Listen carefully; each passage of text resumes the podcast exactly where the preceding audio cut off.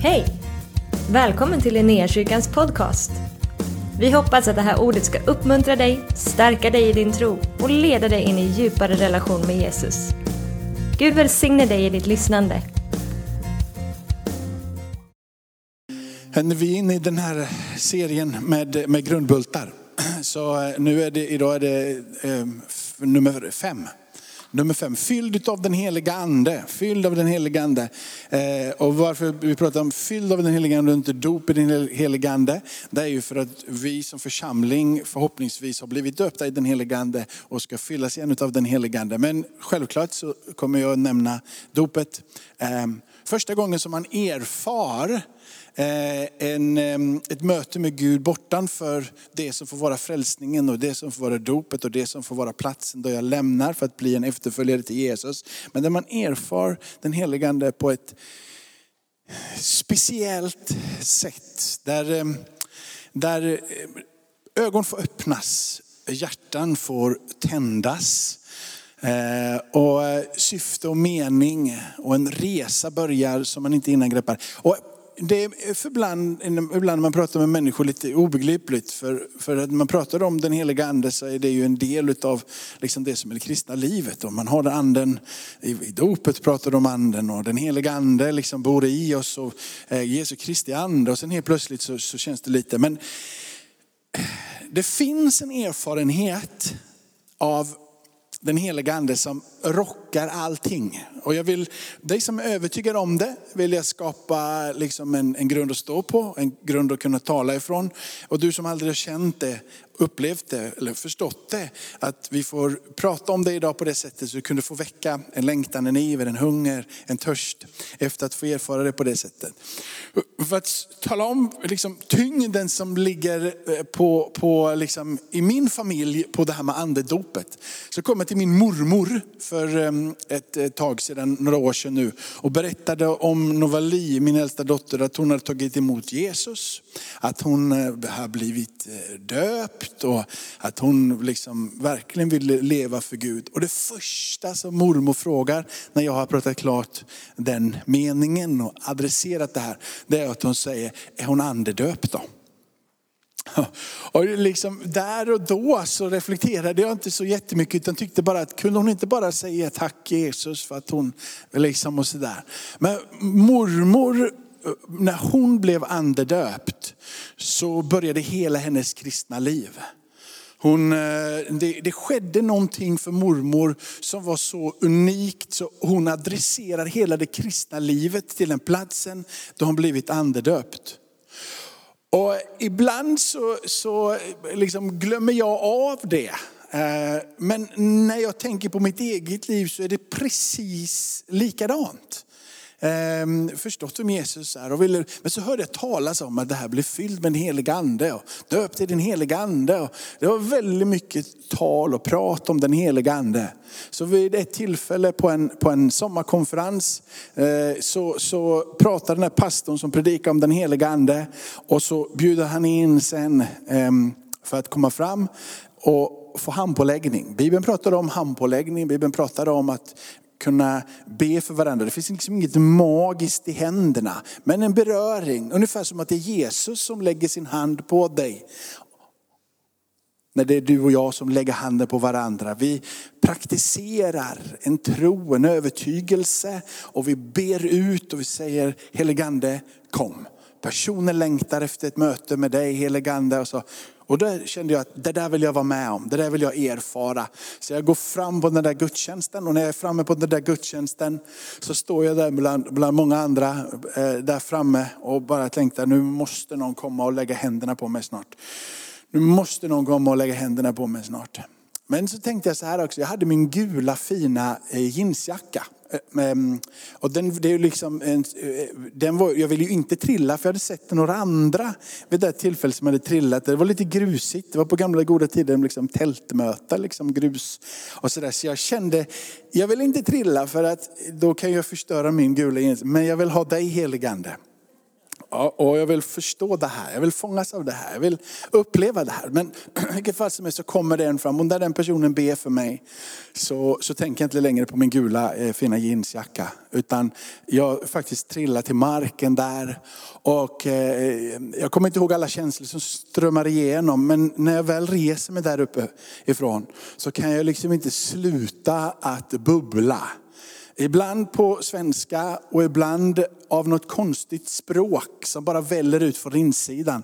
Som jag har fått förstå och hade hört talas om innan Bibeln pratade om tala i tungor. Ja, det låter ju otroligt märkligt men resan idag ska inte handla så mycket om eh, de olika gåvorna som strömmar eh, tillsammans med er. Det ska vi prata om nästa, nästa söndag. Men där så började det bubbla på insidan. Liksom ohämmad både glädje och, och, och tack Jesus, tack Jesus, tack Jesus, tack Jesus. Och sen så bara, bara dessa konstiga, konstiga ord. Och jag fattade ju redan då att det är det här som mormor pratar om. Att när det här händer, det är det här som, som liksom ger kryddan på något sätt till till det kristna livet. Och få erfara det här bortanför det som får vara frälsningen. Och då så på det här stället så var det husvagnar som vi bodde i. Och mormor bodde ju inte med oss men vid den här dagen var hon och hälsade på. Och hon var uppe i husvagnen. Så jag springer upp till mormor och så berättar jag, idag har det hänt. Idag kommer det där obeskrivliga bubblet på insidan. Jag talar i tungor. Så sitter vi där i husvagnen och talar i tungor. Hon, hon är ju då eh, gammal. Eh, nu, hon lever fortfarande. Nu är hon ju liksom 86, 87 och eh, nu är hon gammal. Men jag tyckte redan då att hon var, att hon var gammal. Men, och det som hände är ju den att när det där sker så spelar det egentligen ingen roll om du är gammal eller du är ung. Hon sitter där bra många äldre år än vad jag är. Och jag är ju liksom en, en tonåring där. Men gemenskapen som blir när man har erfarit en, eh, någonting tillsammans med Gud går bortanför både ålder, det går bortanför allting. Det finns en samstämmighet. Man bara känner att det här, det här är bra. Det här är underbart. Vi hör ihop och vi prisar samma Gud. Ibland så förstår vi vad vi säger och ibland förstår vi inte. Men vi hänger ihop liksom. Och från den dagen så har det där bubblande livet varit, varit där. Ibland eh, så har perioder då jag har rört mig bort ifrån det som får vara liksom en övertygelse, tro och en livsvandring tillsammans med Jesus. Back in the, in the days, liksom i övre tonåren och så vidare. Och då vågade jag inte be på det sättet. Jag tror inte ens att man liksom kunde. Det bara var som ett lock här på insidan. Men när jag sen fick komma tillbaka till Gud, och det får vi prata om vid något annat tillfälle. Men så började jag tänka igen, det där med livet med den heliga ande, jag måste fånga det där igen. Så började jag läsa och sen så efter ett tag när jag har bett och längtat så började det där bubbla igen på insidan. Det var inte som att jag kunde bara trycka på en klapp och säga nu så ska jag börja igen. Utan det bara kändes konstigt. Ord i munnen som, som liksom det där är ju bara krumelurer. Kändes inte äkta och genuint. Och så sakta men säkert så kom jag tillbaka till att det blev bubblande på insidan. Och det märkliga med livet med Gud är att när den heliga ande är närvarande så blir det som att nyanser av livet blir mycket starkare. Det är liksom både det som är väldigt mycket salighet som Bibeln pratar om. Men också känslan av att det är rätt mörkt ibland. Och man tänker, vad är det här för något mörker? Och innan man lär sig att hålla sig på någonstans av en förståelse i det här, så kan det nästan kännas som att det kristna livet är som en berg och dalbana. Jag är på gudstjänst och jag kommer därifrån och jag ber med några där hemma och jag pratar om Jesus och det känns så fruktansvärt bra. Och sen så bara vroom, är det nästan, vad är det som händer? Jag står där helt själv och man känner, jag är nästan förvirrad över, vad finns jag i livet? Alternativet är ju att säga att jag vill inte ha dig helig ande. Och det är inget bra alternativ. För jag vill inte ha med dig, för jag orkar liksom inte att känna den där saligheten. Och jag orkar inte uppleva när jag ser det där mörkret. Jag vill inte, heligande, du är ingenting för mig, du är ingenting för mig för jag orkar inte det här. Det är inget alternativ vänner. Men med den heliga ande så får du ett känslosprö, en förståelse över att det finns verkligt ljus och det finns verkligt mörker. Och han vill lära dig i livet att förhålla dig till det, att förstå det här. Och du som är ny på tron, så ska jag lära dig, det blir bättre. Det, det, svänger inte riktigt mycket, lika mycket. Men det, det som blir det jobbiga för oss som då har varit med ett tag, det är ju den att vi behöver ju liksom mer fyllas av den helige Ande än kanske du som är ny på resan. Vi behöver, liksom, vi behöver ta oss till den där platsen. För det är lättare att sitta på en stol och bara säga, jag tror att Jesus dog och att han uppstod. Men det där att liksom röra mig framåt tillsammans med Gud, det behöver jag inte. Så vi som har varit med, vi behöver liksom röra oss in i det. Komma till platsen av att fyllas igen och igen och igen och igen och igen och igen. Hörrni, så här står det ehm, varför jag pratar om den helige ande, grunden till att jag gör det, det är att Jesus pratar om den helige ande. Eh, Jesus är nämligen min frälsare och han är min Herre. Och det Jesus säger har blivit en verklighet för mig. Så det är inte så, den heliga ande låter lite spexat, så nu kör vi lite helig ande. Hela min övertygelse om att varför jag vill prata om den heliga ande, varför den heliga ande är viktig, är för att Jesus säger att den heliga ande är viktig. Och det kan du gärna ta med dig. Varför är det med helig ande så viktigt? Jesus säger att det är viktigt. Ungefär samma övertygelse som när jag för några veckor sedan pratade om Bibeln. Varför tror jag på Bibeln? För att Jesus talar där. Så, så för mig så ligger väldigt mycket i att han har dött, han har uppstått och det Jesus säger trumfar allt. Så här står det ifrån Johannes jag, jag kan säga det redan innan här också, att när vi, när vi du eh, hoppar tillbaka till, till, till det, den ja.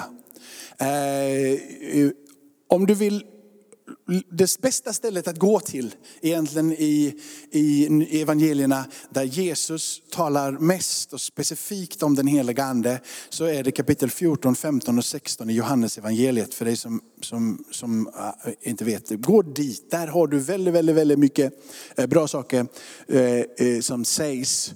Och vi måste grunda vår förståelse om den heliga ande och vikten av den heliga ande på det som Jesus säger om den heliga ande. Det är klart att vi tar med oss Paulus undervisning och vi läser om hur den helige ande verkar i historien. Först då genom såklart det vi läser i apostlagärningarna. Men den helige ande är ju med hela tiden, genom hela historien. Okej, okay. om ni älskar mig håller ni fast vid mina bud. Och jag ska be Fadern och han ska ge er en annan hjälpare som ska vara hos er för alltid. Det är rätt gött detta. Han ska vara hos oss för alltid. Det är liksom inte så att det liksom rinner ut eller tar slut. Han eh, går för att vara med Fadern och när han går så lämnar han en annan så som han, lik honom. En hjälpare, en tröstare, en som går vid våran sida för att alltid vara med. Sanningens ande. Världen kan inte ta emot honom för världen ser honom inte och känner honom inte. Ni känner honom. Ni känner honom. För han förblir hos er och ska vara i er. Jag ska inte lämna er faderlösa. Jag ska komma till er. Ännu en kort tid och världen ser mig inte längre. Men ni ska se mig för jag lever och ni skall leva. Den dagen ska ni förstå att jag är i min fader, alltså när sanningens ande kommer. Och att ni är i mig och jag i er. Den som har, har mina bud och håller fast vid dem är den som älskar mig. Den som älskar mig ska bli älskad av min fader. Och jag ska älska honom och uppenbara mig för honom. Såklart genom anden. Så vi behöver den heliga ande. Eh, vi behöver sanningens ande, vi behöver hjälparen. Vi ska komma tillbaka till, till det här alldeles strax. Men ta den texten från Apostlagärningarna innan vi går in på det här.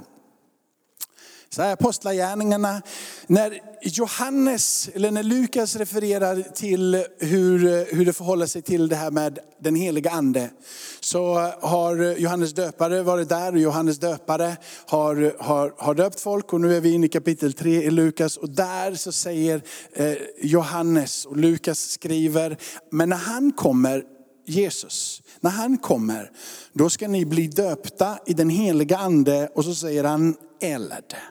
Den heliga ande och eld. Jesus talar ut och säger att ni behöver den heliga ande för att förstå vem Gud är, för att förstå sanningen. Han ska ta er in i en djupare förståelse och han ska uppenbara honom, Jesus, för oss. Han, vi ska förstå vem det är Eh, vem Jesus är genom att anden vi behöver honom. Men Jesus poängterar också att inte bara för att du ska kunna leva i en förståelse och en insikt om vem Gud är, vem Jesus är och han ska föra oss in i hela sanningen. Jesus adresserar också att när han kommer så är det inte bara för att vara en hjälpare och för att vara en tröstare. Utan när han kommer som utgår ifrån Fadern, som kommer i mitt namn, när han kommer över er så ska ni få kraft han visade sig för dem efter sitt lidande. Han gav många bevis på att han levde när han under 40 dagar lät dem se honom och talade med dem om Guds rike. Vid en måltid med apostlarna så befallde han dem, lämna inte Jerusalem utan vänta på vad Fadern har lovat. Det ni har hört av mig, Johannes döpte med vatten. Men ni skall om några dagar bli döpta i den heliga ande. När de nu var samlade så frågade de honom, Herre, är tiden nu inne då du ska återupprätta riket åt Israel? Han svarade dem, det är inte er sak att veta vilka tider eller stunder som Fadern i sin makt har bestämt, men när den heliga ande kommer över er ska ni få kraft att bli mina vittnen i Jerusalem, i hela Judeen, Samarien och ända till jordens yttersta gräns. Så Jesus adresserar att vi behöver den sanningens ande, vi behöver hjälparen, vi behöver den heliga ande i våra liv, för våra liv tillsammans med Gud. Han säger också att när den heliga ande kommer över er ska ni få kraft. Det är som att säga, du behöver den heliga ande för att tala om för den här världen vem jag är. Ni behöver elden som kommer ifrån Gud för att världen ska förstå. I övertygelse i det som strömmar ut ur livet med den heliga ande helande, under, tecken, mirakler. Det som gör det kristna livet kanske spektakulärt. Men den inre kraften, motorn på insidan kommer över församlingen, över individen som tillhör Jesus. Och när det sker, då kommer det ske med kraft. Det kommer komma en frimodighet över församlingen pingstdagen så faller anden och när anden faller så är det en helt ny församling. Det är en helt ny grupp av människor som blir efterföljare till Jesus. Det är någonting som kommer över dem som de inte innan hade. Det kommer en frimodighet, en auktoritet över deras liv. Det är någonting som sker som inte var likadant innan. Men det finns än mer av det här som är viktigt. Jesus adresserar också att vi behöver fyllas med den heliga ande. Jesus adresserar att vi har en god far. Och han nekar inte någon som kommer till honom och ber om att bli fylld med den heliga ande. Lukas kapitel 11 till exempel. Eh, men så jag tänkte min predikan, jag bygger den här på de här tre punkterna som jag har, som jag har sagt nu. Och så predikar jag ut det lite, lite mer bara vem den helige ande är i början. In i det som blir kraften för att tala också om att vi ständigt behöver komma till platsen av att fyllas och att uppleva mer och mer utav den helige ande. Så punkt nummer ett. Första där. Så vi behöver hjälparen, sanningens ande för våra liv tillsammans med Gud. När han kommer, sanningens ande. Innan så läste vi från kapitel 14, nu läser vi från kapitel 16, vers 13. Men när han kommer, sanningens ande, då ska han leda er in i hela sanningen. Han ska inte tala av sig själv, utan bara tala det han hör. Han ska förkunna för er vad som kommer att ske. Så vi behöver den helige ande i våra liv. Vi behöver denna hjälpare. Bibeln adresserar parakletos. Eh, det är ett ord som talar om liksom en försvarare, en advokat, en, en tröstare, en som står där vid din sida. Och det är det bästa sättet att tala om den helige. Han som är vid din sida. Han som är så som Jesus, lik honom i allt. Vi behöver han på våran sida. Vi behöver honom för att förstå vem Gud är och hans väldiga gärningar. Jesus adresserar att den här utgår ifrån Fadern. Så Faderns vilja är att vi ska få ta emot den heliga ande som en gåva. Så att om du är här och tänker att ja, men, eh, det där är ingenting för mig. Jo, det är för dig. Skulle Fadern låta en gåva gå ut över mänskligheten och du är inte involverad? Känns som en orimlighet. Den gåva som strömmar ifrån Fadern i Sonens namn till alla dem som vill följa Jesus.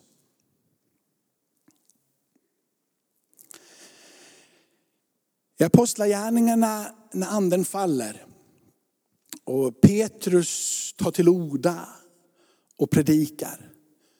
Så eh, när han har predikat ut vem Jesus är och liksom förklarat eh, lite om, om det, så kommer komma tillbaka till det, så, så, så står det en, en vers lite senare och där han säger att nu har Jesus stigit upp till Fadern.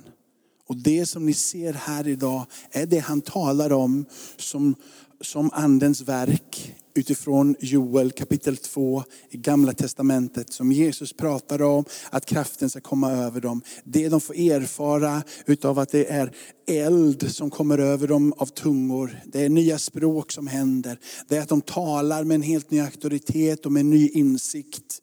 Så säger Petrus att Jesus har stigit upp till Faderns högra sida. Och det som han talade om, det har nu blivit utgjutet ibland er. Det som han har sagt, det har nu skett. Jesus ber för dig och mig och Jesus utgjuter och låter anden falla, inte bara på pingstdagen utan återkommande. Det händer på fler ställen i apostlagärningarna och jag ska återkomma, återkomma till det. Men Jesus är angelägen om att du ska bli döpt i den ande som utgår ifrån Fadern. Jesus är angelägen om att du ska få det där mötet som gör att elden är över dig. Pingstelden över dig, så motorn på insidan brum, brummar inom dig. Apostlar, eller Matteus kapitel 8, eller kapitel 28, när Jesus ger missionsbefallningen, så talar han också med, jag ska vara med er alla dagar inte tidens ände när Jesus talar ut att jag ska vara med er, så vet vi att han sitter på Faderns högra sida. Så vad är det han säger? Han pratar om den ande som utgår, som ständigt och jämt och alltid ska vara på vår sida och vara tillsammans med oss. Så vi behöver den helige ande för att förstå vem Gud är. Vi behöver den helige ande för den gåva som utgår ifrån Fadern. Vi behöver den heliga ande för att få kraften och drivet på vår insida. Jesus är angelägen om det och kommer alltid att vara med oss. Sanningens ande som för oss in i hela sanningen. Så vill du förstå Bibeln så är det ju väldigt, väldigt bra att ta eh, det bästa redskapet som finns för att förstå Bibeln. Jag tyckte det var en som förklarade den heliga ande och hans största verk på ett alldeles utomordentligt bra sätt. Alltså det största som den heliga ande har givit oss är den här boken. Skriften, utandad utav Gud själv. Han är med när det här har skrivits. Han är den som förstår sanningen. Han är den som förmedlar sanningen till dig. Han tar inte utav sig själv utan han tar Fadern, Sonen. Han tar det som finns. Han förklarar det för oss och han ger det till. Han kan skriften utan och innan. Så när du har läst det här och det har kommit in på din insida utan att du ens kan kanske citera bibelversen. Eller ens veta hur du ska finna den här. Men har den kommit in i dig så kan den heliga ande på hans suveräna sätt inspirera de där orden på din insida. Så utan att du ens kan förklara det så kan du ändå uttrycka det. För det finns på din insida. Han tar utav sitt ord och han låter det gro på din insida så att det kommer ut ur ditt liv och ut ur din mun. Du behöver den heliga ande för att läsa Bibeln. Du behöver den heliga ande för att förstå hela sanningen. Elden, nästa, nästa, nästa där då. Och vi har varit inne på det. Och det som, men jag hörde, jag hörde Levi Petrus är ju liksom eh, på något sätt den som är mest känd eh, bakåt här för att ha liksom pratat om den helige andes eh, verk, dopet i den helige ande. Han som förgrundsgestalt bakåt, först i baptistsamfundet och sen så får han inte vara kvar där. Och så startar han församling i, i Stockholm och så blir det pingströrelsen. Eh, en, en rörelse som lägger sitt fokus på vikten av att ha med den heliga ande att göra för att förstå resan tillsammans med Gud.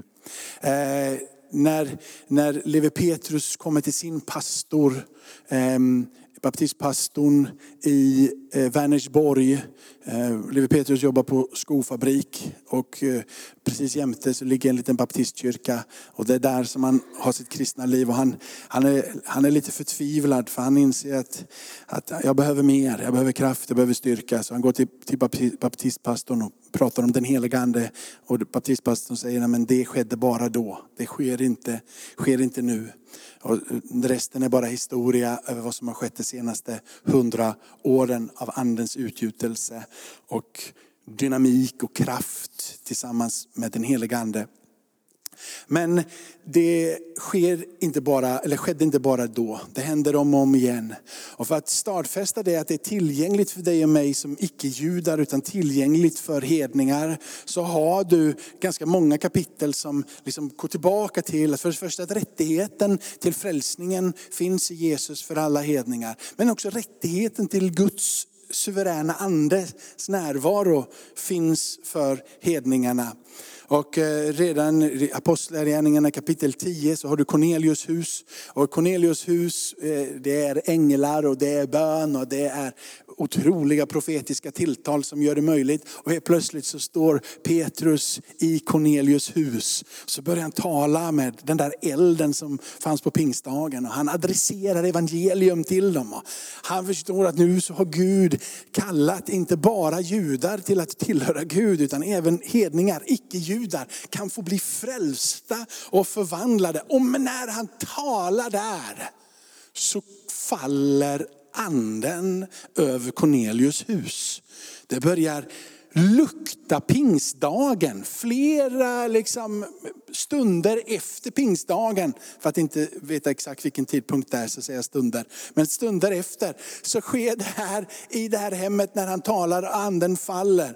Kapitel 10 vidare. Och när Petrus landar i Jerusalem och pratar med de förståndiga, äldste, de som liksom vet hur saker och ting går till. Och är på något sätt det som får bli auktoriteten i denna nya rörelse som, som sker i, i Jerusalem, ute i Judeen och ut över världen. Så kommer Petrus dit och säger, hej grabbar, jag ska bara säga en sak. Att det som hände på pingstdagen, det händer nu också. Det händer igen. Det är samma upplevelse, det är samma känsla, det är samma, får man kalla det, liksom eufori.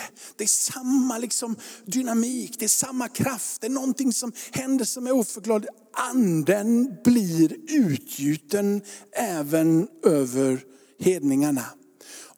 Det är det som blir kraften i den tidiga församlingen, andens närvaro, det gör att de reser sig upp och de går ut och de går vidare och de ser helande under och tecken. Det adresseras att till exempel när Barnabas kommer till Antiochia, innan de blir utsända i kapitel 13, så är eh, eh, eh, Barnabas sänd till Antiochia, för det är en del som har blivit frälsta där. Och då står den här Barnabas, han ska komma dit, för han är fylld av den helige ande och fylld av tro. Och han är en god man och han kommer dit för att uppmuntra församlingen att fortsätta leva i dess nya övertygelse. Och det livet som har kommit in på deras insida. Om och om igen så ser vi hur de blir fyllda, döpta i den heliga ande. Motorn tänds i församlingen och ingenting, du vet de söker inga positioner i samhället. De tänker inte så här, vi måste vara en röst i den här tiden.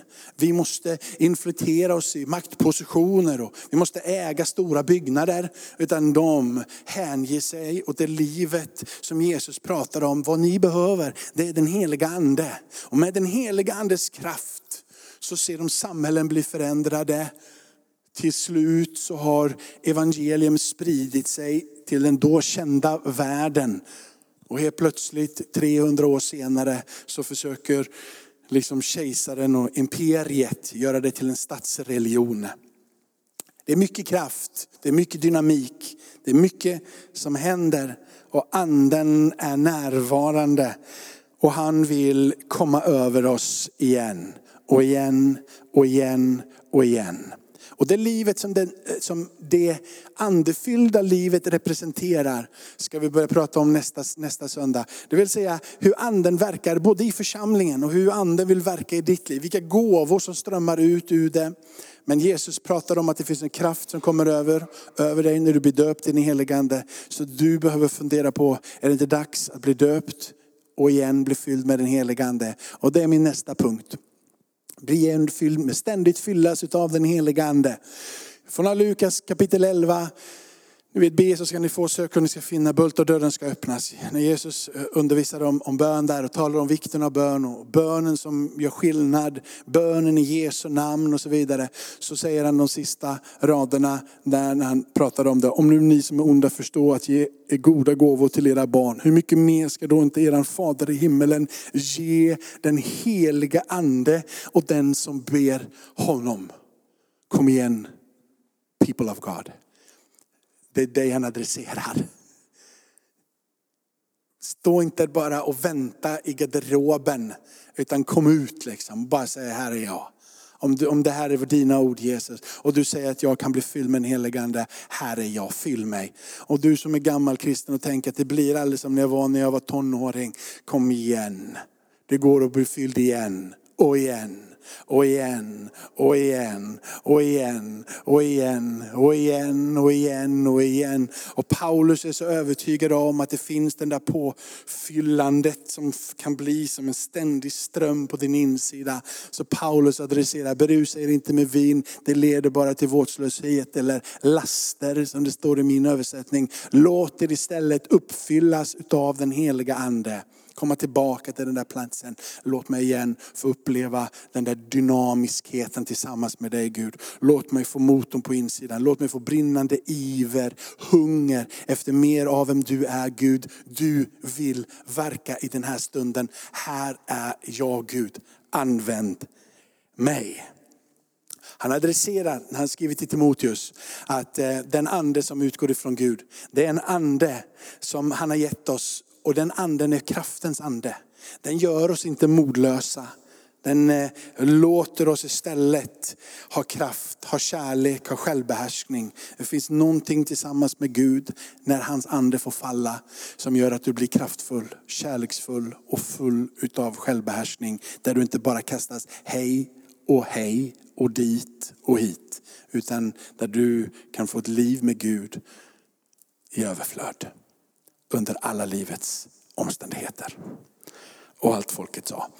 Amen. Vi ska fira nattmard med så vi kan inte liksom gräva ner oss för mycket i skriften idag. Vi kommer till det dukade bordet där allting är förberett för oss. Ska vi stå upp tillsammans och bekänna våran tro? Du kommer få tillfälle idag vi har förebedjare som är förberedda. Du kommer få tillfälle idag att säga både att du vill bli frälst. För är du inte frälst så behöver du bli frälst. Du behöver säga ditt ja till Jesus. Vi har en bibel redo för dig så att du sen kan få läsa om det som Gud gör.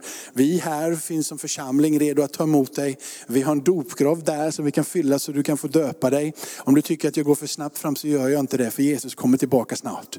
Så du behöver både bli frälst och du behöver bli döpt. Och du behöver ha hans ord i din hand så du kan äta manna ifrån himmelen.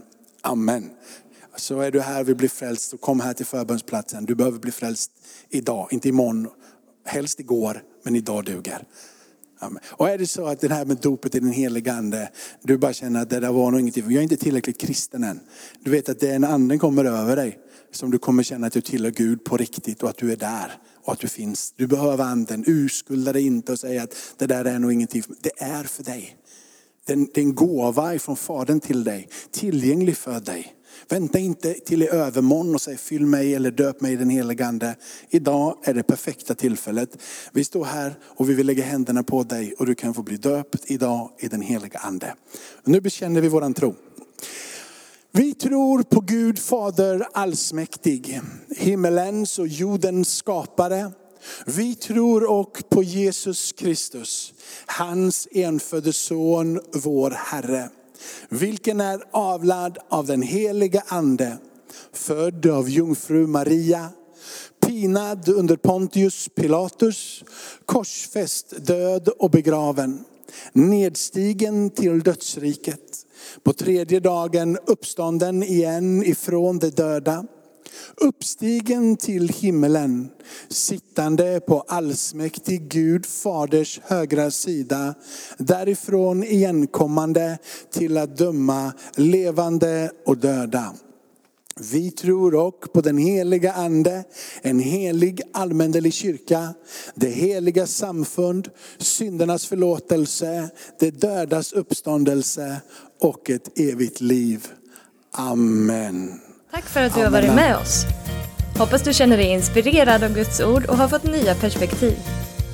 Hör gärna av dig till oss och berätta om Gud har rört vid dig på något sätt. Vi är så glada att få höra vittnesbörd om vad Gud gör. Du kan mejla oss på adressen info och dit kan du även mejla om du har ett böneämne som du önskar att vi ber för.